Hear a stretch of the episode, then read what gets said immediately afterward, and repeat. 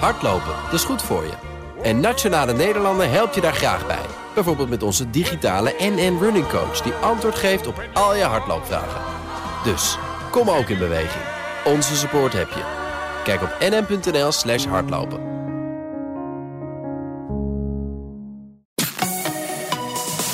BNR Nieuwsradio. Boekenstein en de Wijk. Hugo Rijksma. Stop de verspreiding van het coronavirus. Handen wassen zonder stromend Blijf water. zoveel mogelijk thuis. Social distancing in een sloppenwijk. Houd anderhalve meter afstand. Wat is de IC-capaciteit van Congo? Alleen samen krijgen we corona onder controle. Een pandemie bestrijden doe je wereldwijd. Meer informatie? Maar hoe wint de mens van het virus in de armste landen? Of bel 0800 1351. Maar u kunt ook gewoon Boekenstein en de Wijk luisteren. Op zoek naar de nieuwe wereldorde. Met, of u het nou leuk vindt of niet, Arend-Jan Boekenstein en Rob de Wijk. Onze gast weet hoe je een virus bestrijdt onder moeilijke omstandigheden... uit ervaring met ebola in Sierra Leone. Ronald Kremer van Artsen zonder Grenzen, welkom. Hé, hey, dankjewel. Ronald, riep de komst van het coronavirus hier iets van herkenning op door, door die ervaring? Um, uh, ja, eigenlijk wel. Uh, en en, en wat, wat, wat heel vreemd was, dat ik in Sierra Leone heel erg gewend ben om, uh, om, om de 15 kilometer de auto uit te moeten voor een temperatuurscontrole, om handen te wassen, om, om geen andere mensen aan te raken. Um, tot op het moment dat je dat in Nederland ook moet doen. Hè? Dat je beperkt wordt in, in wat je mag, in wat je kan. Um, en, en, en dat hier die social distancing ingevoerd werd. En dat was een, ja. een hele vreemde ervaring. Ja, zo was voor ons allemaal. Arjan, ja, we praten in dit programma over internationale betrekkingen. Daar hangt nu natuurlijk veel van af om de pandemie wereldwijd, dus ook in die arme landen, eronder te krijgen. Want kijk, Afrika heeft natuurlijk veel minder doktoren en, en IC-dingen. En het enige geluk is dat Afrika een betrekkelijk jonge bevolking heeft. Kijk, waar ik op hoop, en dat is gelijk ook een vraag die ik wil stellen aan onze gasten van Sommige mensen denken, of die hopen eigenlijk, dat als het heel erg warm is, dat dat het virus minder makkelijk verspreidt. Hè? Maar andere ja. mensen ontkennen dat weer. Wat denkt u daarvan? Uh, ik denk dat er nog heel erg veel onbekend is. En, en ik heb een beetje dezelfde hoop. Dat, uh, um, dat er factoren zijn, een jongere bevolking, uh, hogere temperaturen, die de verspreiding van het virus daartegen houden. maar daar hebben we op dit moment geen bewijs van. En dat maakt het ook heel erg moeilijk om een vergelijking te trekken van wat is er in China gebeurd, wat is er in, uh, gebeurt er op dit moment in de Verenigde Staten, wat gebeurt er in Europa en wat gaat er in, uh, in, in, in Afrika gebeuren. En wat dat betreft hou ik mijn adem ook wel een beetje in. Sorry heb jij een verklaring wat? voor het feit dat eigenlijk het aantal uh, besmettingen in Afrika tot nu toe relatief gezien meevalt? Ja, ik heb het even opgezocht. En uh, er zijn, geloof ik, 50.000 uh, geregistreerde besmettingen. Maar met name ja, in het noorden van, uh, van Afrika. Dan hebben we het over Egypte, Tunesië, Algerije, et cetera. Ja. Um, Congo heeft... En dan is er nog een behoorlijke pluk in het zuiden, in Zuid-Afrika. Ja, Daar ja, zijn ja, de meeste besmettingen. Ja. En ik, ik denk ook dat dat te maken heeft met, met bijvoorbeeld... en daar zijn we in Nederland worden we natuurlijk ook mee geconfronteerd... met testingcapaciteit. Hè? Wordt iedereen die getest zou moeten worden, wordt die ook getest? En ik denk dat we daarbij ook niet moeten vergeten dat uh, een heel groot gedeelte van uh, het ziekteverloop is, is, is mild. Uh, hè, met name ook in kinderen.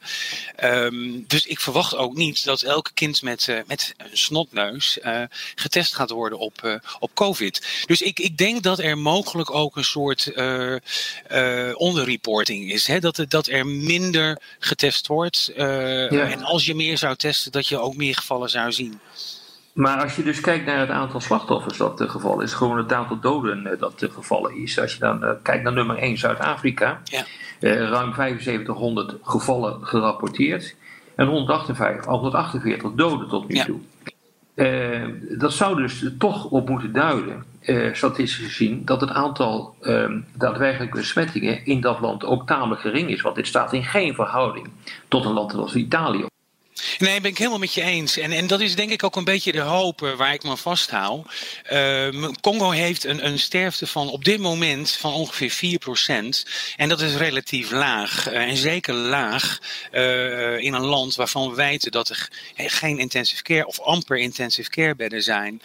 Um, maar ik, ik, ik denk ook dat, dat, dat het nog zo in zijn beginfase staat dat in de komende maanden we ook nog moeten leren en moeten zien ja, hoe die uh, zich ontwikkelt. Maar nog even een vraag daarover. Hè, van uh, Zuid-Afrika heeft dus veel, Noord-Afrika heeft ook wat. Dat zou erop kunnen duiden dat in de Congo dus is minder. Hè, en daar is het ook warmer. Suriname heeft niks bijna. Brazilië heeft een probleem. En Noord-Amerika heeft ook Ja. een probleem. Dus Ja. heel misschien is de temperatuur toch een factor. Eh, nou, dat, dat wordt ook steeds genoemd. Hè? Dat, dat Ja. wordt ook steeds gezegd eh, van. eh, ik bedoel, Nieuw-Zeeland eh, eh, zit op dit moment zat in zijn zomer. Eh, en die hebben het heel goed gedaan. En nu een aantal dagen geen gevallen. Eh, dus, dus hopelijk is dat een factor eh, eh, eh, ja, die, die gunstig werkt. Zou het ook kunnen, meneer Kremer, dat, dat het gewoon komt. U kijkt dan vooral naar, naar Congo. Ehm, je ziet natuurlijk ook dat het, de, het virus heel hard toeslaat in heel erg connected plekken, zoals New York of eh, Noord-Italië. Dat gewoon doordat er minder gereisd wordt, het virus zich minder goed kan verspreiden. Eh, ja, dat, dat is ten dele waar. Maar ehm, eh, in, in Congo hebben we bijvoorbeeld Kinshasa, wat een miljoenenstad is. Bukavu, waar ik zelf regelmatig geweest ben, en Goma in het oosten van, van Congo, zijn ook bijna miljoenensteden. En Goma heeft iets meer dan een miljoen inwoners. Dus dat zijn wel degelijk grote, eh, grote steden. En je zou daar de markten bijvoorbeeld, eh, eh, waar iedereen hutje-mutje eh, doorheen loopt om zijn dagelijkse voedsel eh, te zoeken. Eh, dat, dat zijn plekken waar heel erg veel mensen heel erg dicht op elkaar zijn. Dus op zich zie ik dat wel degelijk als risicopunten. Ik denk dat een groot probleem is dat wij, dat wij hier in Nederland continu denken dat eh, Afrika volstrekt onderontwikkeld is. Eh, in hoeverre speelt de hele ervaring, eh, je hebt zelf ervaring met ebola, in hoeverre spelen dat soort eh, epidemieën dan wel pandemieën mee met het nemen van de juiste beslissingen? Ehm, nou, ik, ik denk dat er best wel lessen geleerd zijn eh, van- vanuit ebola. Eh, en ook van, vanuit de angst eh, die op een gegeven moment in de wereld ontstond over hè, komt het ook hier. En we hebben op, dat moment ook gezien dat er gevallen in, in Europa zijn geweest, in de Verenigde Staten. Dat waren incidentele gevallen. Maar ik, en, en, Ebola had in, in, in West-Afrika, ik geloof 27.000 eh, eh, eh, geconfirmeerde gevallen. Ehm, ehm, eh, Covid heeft er op dit moment, geloof ik, iets meer dan 3 miljoen. Eh, du- dus we hebben het over hele verschillende orders van grootte. Eh, en tegelijkertijd eh, was de sterfte in ebola en is de sterfte in ebola vele malen hoger dan, dan, dan in COVID. Maar aan de andere kant is het verschil in de hoeveelheden patiënten of slachtoffers is gewoon gigantisch. Een verschil tussen 27.000 Nee, dat begrijp ik. 3 miljoen. Dat begrijp ik. Maar ik kan me voorstellen dat als je dus gewend bent om met dat soort eh, pandemieën eh, om te gaan, eh, dat je daar dus ook gewoon van geleerd hebt. Als ik goed ben geïnformeerd, dan heeft de Oegandese regering in een vrij vroeg stadium heel hard ingegrepen met een complete stillegging van het vliegverkeer. Er is een avondklok ingesteld, er is vervoersverbod ingesteld en dat schijnt toch wel ge- gewerkt te hebben. En als ik het goed begrijp, heeft dat ook te maken eh, met de ebola-uitbraak. Eh, waarvan men zegt van ja, oké, wij moeten dus nu heel snel maatregelen nemen om niet in dezelfde situatie te komen. Ja, ja, en ik, ik, denk dat daar ook eh, hè, één, één eh, eh, ding of één maatregel eh, kon zijn om, om in de zogenaamde lockdown te gaan. Nou, dat, ik denk dat dat Ja. erg problematisch kan zijn. En dat zien we ook in, in India bijvoorbeeld, in sloppenwijken. waar mensen voor hun dagelijkse behoeften eh, wel degelijk naar de markt moeten. En aan de andere kant hebben ze ook goed geleerd wat het is om, eh, om, om contacten op te sporen. Wie is contact, in contact geweest met, eh, met een, een, een, een besmet, eh, besmette patiënt? Maar wat er ook een, een, een enorme les geleerd is, dat de reguliere gezondheidszorg door moet gaan. Als de reguliere zorg niet doorgaat in een land zoals Congo, zouden er op termijn nog veel ergere dingen die een hogere sterfte zouden kunnen hebben. Nou ja, hogere sterfte, want we hebben het inderdaad nu gehad over, eh, ja, wat kan je ervan leren? En kennelijk zijn er regeringen die daar wat van eh, geleerd hebben. Maar als ik nu kijk naar de jongste prognose van de VN, die kwamen echt met dramatische getallen. Hè? Die, de VN heeft gezegd, nou, het zou best kunnen zijn dat er in Afrika tussen 300.000 en 3,3 miljoen doden kunnen vallen. En Waar is dat dan op gebaseerd? Heb jij ik, heb, ik heb over ebola gelezen en, en mensen zeggen het over. We hebben ongelooflijk geluk gehad dat het in een ontzettend geïsoleerd gebied uitbrak. En waardoor we het konden indammen. En, maar dat had dus ook veel erger kunnen zijn. En, en, als je dus naar COVID ziet, COVID is, de indamming is gewoon niet gelukt. Is gewoon niet gelukt, ook in Afrika niet. Maar dan nog even terug naar die vraag van uh, uh, dat de VN tussen 300.000 en 3,3 miljoen uh, doden voorspelt. Ja, en, en die, die, die, die cijfers zijn. Er zijn heel veel van die uh, modellen zijn er uitgeprobeerd om, om een idee te hebben van wat er zou kunnen gebeuren. Maar ze zijn ook heel erg gebaseerd op, op, op Chinese, um, Europese, uh, Amerikaanse voorbeelden. En de vraag is, is inderdaad maar van, gaat dat zo gebeuren? En, en het is heel goed om, om ja. te weten van wat zou het kunnen worden? Maar ik denk dat we het ook met een kolossaal moeten nemen, omdat we nog zoveel niet weten. Hens, of, of hè, ook het, het, het vraag die je zei van um, de temperatuur, uh, uh, heeft dat ja. enige invloed? En wie is er nou werkelijk kwetsbaar in Afrika? Is dat de oudere mens met, met een, een onderliggend lijden? of is dat een kind wat net mazelen heeft doorgemaakt? of is dat een patiënt die aids heeft? Of is dat een patiënt die TB heeft. En die veel jonger kan zijn dan bijvoorbeeld die 60 jaar. Dus er zijn zoveel vraagtekens nog. Maar nog even te vergelijken met ebola. Want ebola is dus veel besmettelijker dan COVID. Het is echt een vreselijke virus. En het, het is een heel geïsoleerd gebied. Daar kwam, ging het dus, brak het uit. Er waren ook nauwelijks wegen. En, en mensen schrijven, ja, we hebben gewoon ontzettend geluk gehad. En we hebben op tijd ingegrepen en we hebben enorme temperatuur genomen en, en uh, netwerkenrelaties gedaan. Maar dat had dus ook totaal uh, mis kunnen gaan als het in een, in een slum of zo was uh, terechtgekomen. Nou, en, en dat die afweging is ook een van de afwegingen geweest voor de WHO. Om dat een, een, een epidemie te benoemen die de hele wereld aanging. Met, met ook hè, het vrijmaken van, van alle geld daarvoor. Omdat ze dat risico wel degelijk zagen. Um, ik denk, ja. denk ook dat, dat die uitbraak waar we het op dit moment over hebben in Congo, uh, die is ook al uh, in juni twee jaar aan de gang. Dus het is ook een uitbraak die heel erg lang doorcijpelt. In hoeverre spelen eigenlijk uh, die vluchtelingenkampen een rol die her en der in Afrika vindt? In Oeganda heb je ze, Ethiopië heb je, zitten 60.000 man in Niger die gevlucht zijn uit Mali. In hoeverre is dat eigenlijk een groot risico? ik zie dat als een heel groot risico. Ik bedoel, in, in Bangladesh is, er, is een Rohingya-kamp van 800.000 uh, mensen. Uh, daar hou ik echt mijn hart voor vast. Uh, die mensen wonen op elkaar. met heel veel mensen op een hele kleine ruimte. Ehm, waar anderhalve meter natuurlijk niet te garanderen is. Um, dus ik zie dat als een heel groot risico. dat zou als een golf door zo'n kamp kunnen gaan. En het, het klinkt -hmm. heel gemakkelijk, hè? anderhalve meter afstand, uh, hè, was je handen regelmatig. Maar hoe moet dat als je geen water hebt? Hoe moet dat als je geen zeep hebt? Yeah. Um, en en, en uh, dat, dat zie ik echt uh, hoge concentratie mensen met heel erg weinig mogelijkheden tot bescherming. zie ik zelf als hele hoge risico's.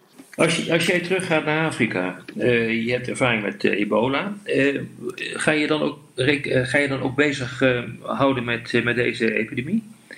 Pandemie? ja, ja, ja, zeker. Um, want op dit moment. Maar wat kan je dat doen dan?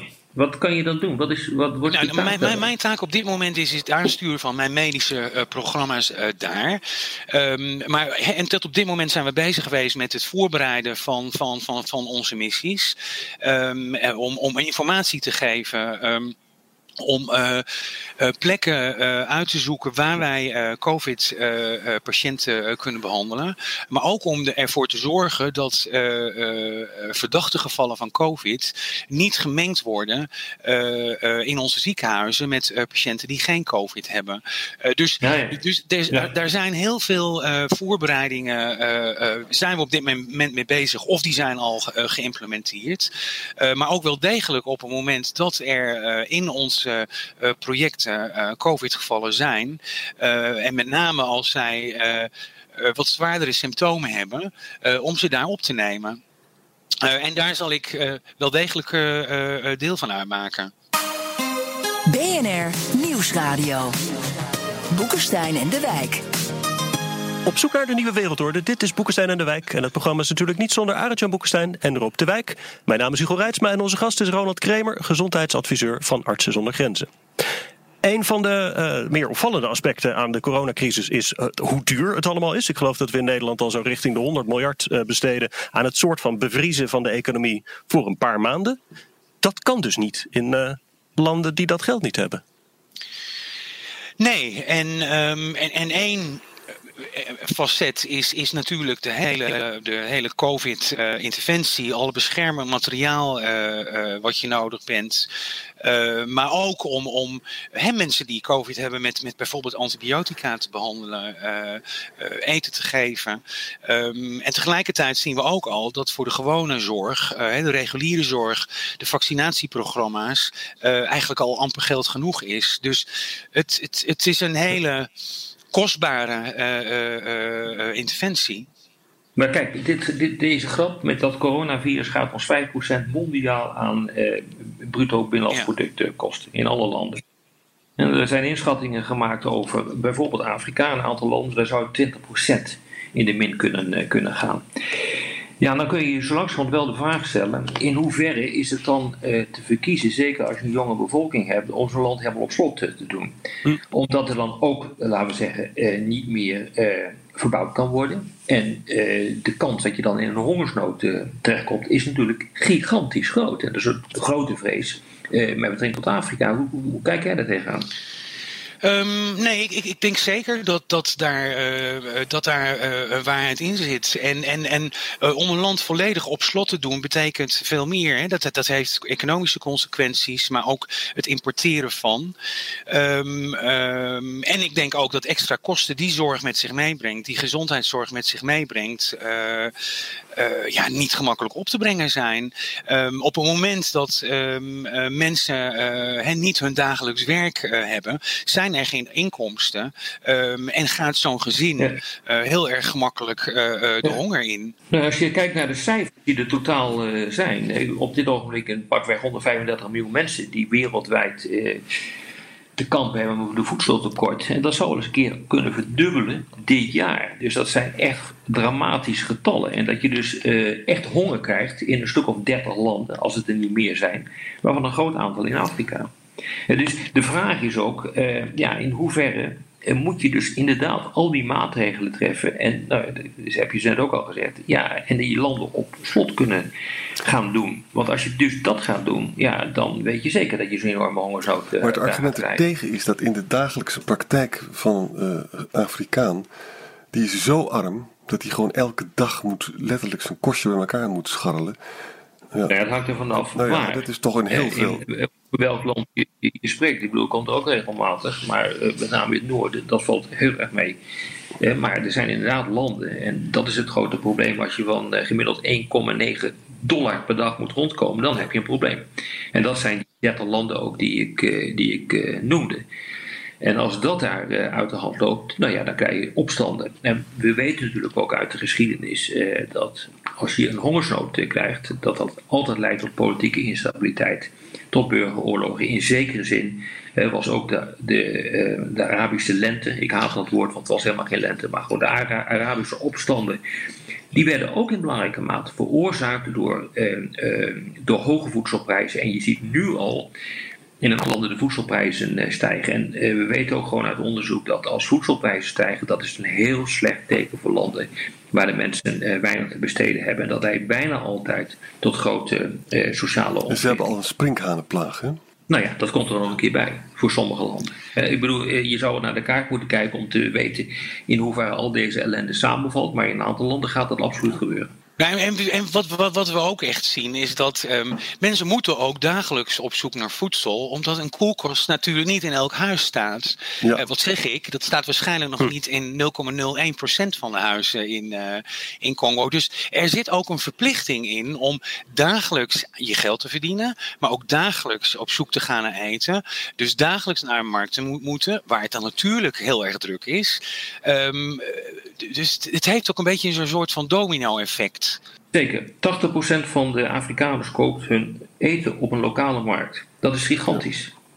Heeft dit ook gevolgen voor de grote spanningen die er in Congo zijn? Er zijn altijd spanningen in Congo. Hè? Ik heb het land één keer bezocht en uh, ik was daar zeer van onder de indruk wat ik er allemaal gezien heb. Maar als er dus een crisis ontstaat, dan zou je hopen dat uh, leiders het meer met elkaar eens zouden worden. Maar dat is geloof ik niet het geval, hè? Ja, ik, ik, vind het heel moeilijk om, hè, omdat ik heel erg vanuit een medisch uh, oogpunt kijk. Maar als ik nu kijk naar, naar, naar Congo, waar op dit moment vier uitbraken van ziekte aan de gang zijn. Uh, ebola hebben we het over gehad, uh, COVID, uh, mazelen uh, en cholera. Um, waar niet overal even veilig is, waar we veel ontheemden zien, uh, is dat natuurlijk ook een, een, een onmogelijke mix van ellende. Um, waarvan ik denk dat het heel moeilijk is om, om, om dat, dat aan te sturen. In hoeverre speelt het eigenlijk een rol het over de Democratische Republiek Congo? Hè? Dat land behoort volgens de zogenaamde Fragile States Index, dus landen die eigenlijk gewoon niet meer goed bestuurd worden, tot ongeveer de allerslechtste, een van de allerslechtste landen. Met met Somalië en zo. Hè.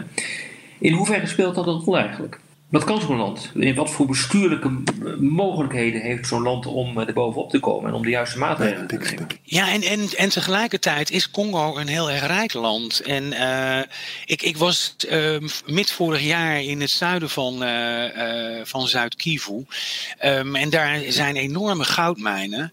Uh, en, en, en die heb ik bezocht uh, met een collega van me. Echt super interessant. Uh, maar dan, dan, dan dat gevoel van um, de mensen die daar wonen, wonen dus op een berg van goud en geen brood op de plank. Mm-hmm. Ja. Nee, omdat dat goud natuurlijk uh, wordt verkocht ja. en de opbrengsten die uh, gaan uh, naar de mensen toe die maar, toch maar, maar hey, hoe triest nee, kan dat is het zijn? natuurlijk een algemeen probleem van Afrika. Hoe triest Sorry? kan het zijn? Ja, en als je ook op het vliegveld. Ja, maar dat is een sociaal vraagstuk dat ook te maken heeft met goed bestuur. En dat is ook precies de vraag uh, die ik stelde. In hoeverre is een land waar goed bestuur ontbreekt, of, en dat zie je natuurlijk ook heel veel in Afrika, waar er geen vertrouwen is in, uh, in de leiding, in de politieke leiding, dat zie je bijvoorbeeld in Afrika, Zuid-Afrika uh, gebeuren. In hoeverre is zo'n land in staat om de om de juiste maatregelen te nemen en af te dwingen. En de mensen ervan te overtuigen dat ze iets moeten gaan doen. En Tanzania en in uh, uh, Burundi uh, wordt officieel opgeroepen om naar de kerk toe te gaan en te bidden. Ja, ik bedoel, dat is ook een methode, want volgens mij leg je daar. de, de, het virus niet mee aan de kerk. Nou, en het is een risicovolle handeling, omdat je met heel veel mensen in één ruimte zit. Ja, dat ook In nog Ethiopië zijn er een aantal Ja. christelijke Kan dominees die zeggen: ja, je moet gewoon een beetje een mengseltje met gember drinken en dan krijg je het niet. Of ze zeggen: het is een white man's disease, zeggen ze dan. Ja, dat, dat heb ik ook heel veel gehoord, ja. Triest. Bestaat ook het risico dat als de aanpak in Afrika mislukt, dat het virus via daar weer terugkeert naar de rest van de wereld? Um, ja, dat vind ik een hele moeilijke. Dat is toch kijken in de toekomst. Uh, je zou dezelfde vraag kunnen stellen over, over uh, andere landen uh, waar op dit moment COVID is of COVID heel erg sterk naar beneden gaat. ik denk dat er bij elke uitbraak en, en dat, dat er bepaalde risico's uh, zijn. En ik denk ook, hè, omdat er zoveel gereisd wordt op de wereld, dat die risico's waarschijnlijk groter worden. Het, het, een, een ziekte kan zich gemakkelijker verspreiden. Maar ik vind het heel moeilijk om daar een inschatting over te maken dat hè, wat de secundaire of tertiaire gevolgen zouden kunnen zijn van een golf in, in, in, in Afrika. Nou, de secundaire gevolgen zijn in ieder geval in instabiliteit Ja, ja. en ontwrichting. Dat is, dat is een ding dat zeker is. Dat hebben we nou in de geschiedenis zo ontzettend vaak uh, gezien. En dat zal nu ook gebeuren. Ik vind het nog steeds overigens een wonder dat het aantal gevallen zo uh, beperkt is in, uh, in Afrika. Je, je, zou denken, hè, gewoon als je alleen even kijkt van hoe Afrika in elkaar zit. Met landen met een zwakke economie, landen met een zwak bestuur. 80% van de mensen die op de lokale markt komt, koopt het, het, niet vertrouwen van, uh, van de autoriteiten, oorlogen die er uh, plaatsvinden, uh, de effecten bijvoorbeeld van, eh, van klimaatverandering, waardoor mensen op hun loop gaan. Nou ja, ga zo maar door. Dat dat eigenlijk nog heel erg meevalt. Ik ben vorig jaar, jaar had ik een cursus in, in Kaapstad en toen um, ben ik naar Kailicha geweest. Dat was georganiseerd door, dat was een HIV-cursus. Ehm, en ik heb nog nooit zoiets Mhm. gezien. Eh, zo'n enorme eh, ghetto, zo'n enorme achterstandswijk.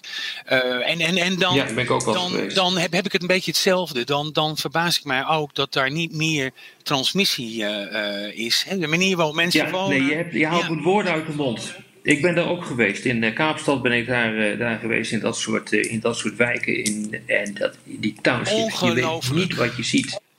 Ja, je weet niet wat je ziet. Dat is com- compleet eh, chockerend. Ik ben daar een aantal malen eh, doorheen gegaan. En eh, als ik inderdaad die vraag ook stel, heb ik dat voor ogen. En dan vind ik het inderdaad wonderbaarlijk dat er niet een nog grotere explosie is in Zuid-Afrika dan er op dit ogenblik plaatsvindt. En, en, en, de vraag is inderdaad, kan dat er nog aankomen? Komt dat er nog aan? Eh, we zitten ook relatief nog eh, ehm, eh, aan het, in de beginfase van, eh, van de uitbraak. Maar ik ben het er helemaal mee eens dat de, de grote angst, eh, die er in ieder geval bij mij eh, was, ehm, eh, tot nu toe nog niet uitkomt. En, en daardoor geeft het ons ook in ieder geval wat meer tijd om, om, om dingen voor te bereiden. wat, wat dan een prettige bijkomstigheid is. Ja, zou heel mooi zijn. Op deze hoopvolle manier kunnen we misschien ook eens een keer de uitzending positief eh, afsluiten. Althans, voor de radio. Eh, op de podcast gaan we door met luisteraarsvragen. Luistert u op de radio, dan verwijs ik naar Apple Podcasts, Spotify of bnr.nl. Ook vragen stellen of reageren kan op Twitter. BNR De Wereld. We hebben hier vragen over ebola, over de leeftijd van de gemiddelde leeftijd van de bevolking. Dat hebben we eigenlijk een beetje gehad. Eh, even kijken hoor. Die is echt heel erg jong, de bevolking. 19,7 jaar voor Afrika. Ja. Gemiddeld. Dat is echt gewoon. Dat is gewoon krankzinnig laag. Dan moet je hier in Europa eens mee komen. Eh, Forza Emir Dag vraagt: Zou er überhaupt ook maar iemand zijn in Europa en Amerika die zich druk maakt om de bestrijding van de pandemie in Afrika? Dit is een serieuze vraag. Ik zie weinig beweging in de richting van hulp aan Afrika op dit Nou, gebied. ik ben bang voor, voor iets wat daarmee te maken heeft. Eh, ik geloof dat de economische impact van COVID heel groot kan zijn in de hele wereld, maar ook in het Westen. En dat betekent dus dat zowel eh, dat we dus gaan bezuinigen op een gegeven moment, zowel op de zorg als op het onderwijs. En dat ook de gelden, westerse gelden voor Afrika, dat daarop beknibbeld zal worden. Terwijl Afrika wel onze hulp nodig heeft, want zelf komen ze hier niet uit. Dus ik ben daar somber Ja, het hangt er vanaf welk land je het, eh, of welk land je het hebt. Congo is Nou, en ik, ik, vind het, ik vind het ook een hele goede vraag. Want eh, eh, hè, we zijn toch heel erg geneigd om, om hè, naar onze eigen tuin, naar onze eigen binnentuin te kijken. Eh, maar ik denk dat het op dit moment Ja. ook nodig is hè, om van humanitair oogpunt alleen al eh, eh, over die grenzen heen te kijken. En, en ik, ik zie de angst ook en ik hoor de angst ook van, van, van mensen in, eh, in, in Afrika en Congo. Eh, als het in, in, in Europa niet beheersbaar is, in Amerika niet eh, beheersbaar is, dan zijn we ten dode opgeschreven. Die angst heerst er ook werkelijk. Jos Hummelen vraagt, eh, die heeft een vraag voor Arend Jan. Wat zien we door de geschiedenis heen bij landen die weinig voortgang maken en daarna een gezondheidscrisis doormaken? Is er een kans dat Afrikaanse landen economisch gezien minder harde klappen krijgen en daarna sneller herstellen? Ja, dat, dat, hangt er dus dat hangt er vanaf. Wat we nog steeds een heel klein beetje hopen. Ik zit naar het kaartje van Afrika te kijken. Ik zie dus het allergrootste probleem in Egypte en in Zuid-Afrika. Dan zou je kunnen zeggen, misschien dus dat de temperatuur daar een, toch een rol speelt. Als die temperatuurtheorie klopt, dan zou het misschien zo kunnen zijn dat het meevalt in Afrika. Maar dan niet dus in de noordelijke en het zuidelijke gebied. Maar we weten het niet. We weten het niet. Rickert Tevelde heeft een vraag voor Rob. Is het mogelijk, vraagt hij, dat China de uitbraak van corona in Afrika zal gebruiken om het continent verregaand te koloniseren met onder andere de klassieke death trap of misschien zelfs militair spierballenwerk? Een echte boekenstein in de wijkvraag van Nou, ik denk het niet. Eh, we zien eigenlijk vanaf eh, pakweg eh, 2018 een verandering eh, plaatsvinden in eh, de, de Chinese assertiviteit, om het maar zo te zeggen. En dat heeft gewoon te maken met het feit dat er steeds minder geld is en dat ze ongehoord veel geld over de balk hebben gegooid, onder andere ook in Afrika. En je ziet overal, eh, bijvoorbeeld in Sierra Leone hebben we dat gezien, van die pushbacks, het terugdringen van eh, de Chinese invloed. Eh, wat we de afgelopen laten we zeggen, anderhalf jaar hebben gezien met betrekking tot China, is een voorzichtiger beleid. Uh, waarbij uh, een veel betere afweging wordt gemaakt over waar ga je geld in stoppen en wat zijn de politieke consequenties hiervan. En wat dat betreft hebben we ook in Europa nu weer net zo'n leermoment gehad met de Chinezen die eigenlijk een beetje over de top zijn gegaan met hun, met hun propaganda. En je ziet nu alweer dat dat aan het terugnemen is. Dus ik denk, voor zover ik het nu kan inschatten, dat dat heel erg meevalt. Hoewel ze dat altijd wel proberen gebruik maken maar, van de crisis. Maar de debt trap, de blijft wel bestaan. Hè? Je ziet het ook in Zuid-Amerika gebeuren. Ja, zeker. Absoluut. Ja. Maar je ziet dus nu, hè, bijvoorbeeld Sierra Leone heeft... Uh, nog niet zo lang geleden gezegd van die terminal die hoeven we niet van jullie Chinezen voor een, voor een vliegveld. Want als we dat gaan doen, kunnen we het nooit terugbetalen. En dat betekent dat we in een situatie komen waarin we eigenlijk een kolonie worden van, uh, van China. Dat is wat we niet willen. En we hebben ook wel veel meer onderzoek, mijn instituut althans onderzoek gedaan naar wat er in Afrika gebeurt. En je ziet eigenlijk dat heel veel van die investeringen mislukt, mislukken. Uh, omdat ze gewoon niet renderen en, en ze worden dus gestaakt. Dat zien we trouwens ook in Europa. Dus daar is een grote verandering op dit ogenblik op komst. Een vraag van Bob Bouw. In hoeverre biedt de coronacrisis ruimte om langlopende conflicten als in Libië te beëindigen? Je ziet ook in, eh, in eh, Boko Haram, eh, Nigeria en omstreken, die wordt actiever. Ehm, en dat heeft onder andere, en er schijnt een relatie te zijn met het, met het virus. Van uh, pak nu maar even door. En zeker als het toch maar een blanke man een ziekte is, dan, dan hoef je er niet, je er niet echt druk om te maken. Bovendien kan je ook nog een keer gaan bidden.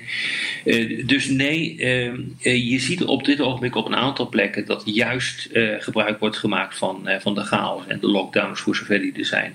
Om, om door te pakken. Dat is natuurlijk wel een logische gedachte om dat te doen vanuit geredeneerd natuurlijk vanuit, uh, vanuit terroristen. Of ze dat kunnen blijven doen, dat is natuurlijk gewoon de vraag. Uh, dat hangt helemaal van het verloop van die, uh, van die coronacrisis af. Maurice vraagt: In hoeverre kan de Afrikaanse evenknie van de Europese Unie, de Afrikaanse Unie, ageren tegen het COVID-19-virus? Nou ja, de Afrikaanse Unie Nee, ja, dat doen ze al. De Afrikaanse Unie is verdeeld. Ja, nee, maar dat doen ze al. Kijk, ze hebben een strategie gebouwd. De Afrikaanse Unie heeft een strategie eh, geformuleerd. Maar dat is een beetje ook op zijn Europese Unies. Een beetje coördineren, een beetje eh, best practices uh, uh, kenbaar maken. laten zien wat, wat, nou ja, wat dus wel en wat dus niet werkt. Maar veel meer dan dat is het niet en kan het ook niet zijn, omdat ook in Afrika, net zoals in Europa, en dat is het probleem ook van de Europese Unie, veiligheid, gezondheidszorg en nationale verantwoordelijkheid. Ja. En de Afrikaanse Unie is, ontzettend verdeeld, altijd verdeeld. Ja, het lijkt de Europese Unie wel. Het is nog erger. Het is nog erger. Uh, tot slot een vraag van Willem O. Uh, uh, hij vraagt: Zijn Afrikaanse maatschappijen niet veel veerkrachtiger in het dragen van leed, inclusief de onvermijdelijke groepsimmuniteit, dan die huilie-huilie Center of the Universe Westerlingen die niet meer om kunnen gaan met een mager risico op de dood? Nou, je zou heel cynisch kunnen zeggen dat. we weten niet of kudde-immuniteit werkt, dat weten we allemaal niet. Hè? Maar als het werkt, dan, uh, zijn, uh, dan is het Westen heeft daar veel meer moeite mee, om allerlei bekende redenen, dan Afrika. Leuke vraag ook voor Ronald. Kijk, het is wel zo dat, dat westerse samenlevingen inderdaad ook zero-risk maatschappijen zijn geworden. Nederland is er ook een extreem voorbeeld van. Wij proberen natuurlijk alle risico's tot nul te reduceren. En wat dat betreft hoop ik nu eens een keer dat deze coronacrisis duidelijk eh, maakt dat het gewoon echt totale flauwekul is. Maar we weten bijvoorbeeld uit China dat de bevolking op dit punt gewoon weerwaarder is. En ik ben er redelijk van overtuigd eh, dat ook delen van Afrika in die zin gewoon weerwaarder zijn. Wat vind jij ervan? Ik, ik, ik heb bewondering hoe weerbaar ze uh, voor mij zijn uh, in, in die afgelopen tien jaar dat, dat ik er ervaring mee heb. En je hebt gelijk dat um, wij wij kijken naar volledig andere zaken. Wij kijken naar intensive care bedden. Uh, er wordt gekeken naar restaurants en hotels die nog niet open zijn. Ja, daar houdt de gemiddelde Congolees zich niet mee bezig. Um, dus ik denk ook dat de, de, de vraag. Um, uh, de vraag van, van, van een Congolees zal anders zijn, uh, maar ook de mogelijkheden zijn volledig anders. Dus de werkelijkheid is ook volledig anders. Um, um, herd immunity, hè, die, die, die, die, die die, die, immuniteit uh, als he, rond de 60 procent ja. uh, van een bevolking uh, geïnfecteerd is, is iets wat we ook in mazelen zien. Moet het weliswaar hoger zijn, maar dan, dan treedt er ook een vorm van immuniteit op. Um, maar dan moeten er nogmaals, het, het, het land heeft ik geloof 80 miljoen inwoners, uh, als 60% de ziekte moet doormaken, hebben we het over uh, eh, 60 miljoen uh, mensen, wat heel veel is. Ja. Dit was weer Boekenstein in de Wijk. Maak de handen eerst goed nat. Namens deze Center of the Universe Westerlingen zeg ik dank voor het luisteren. En wrijf ook tussen de vingers. Speciale dank aan Ronald Kremer en tot volgende week. Doe het goed en vaak. Business Booster. Hey ondernemer, KPN heeft nu Business Boosters. Deals die jouw bedrijf echt vooruit helpen. Zoals nu, zakelijk tv en internet, inclusief narrowcasting... de eerste 9 maanden voor maar 30 euro per maand. Beleef het EK samen met je klanten in de hoogste kwaliteit. Kijk op kpn.com businessbooster. Business Booster.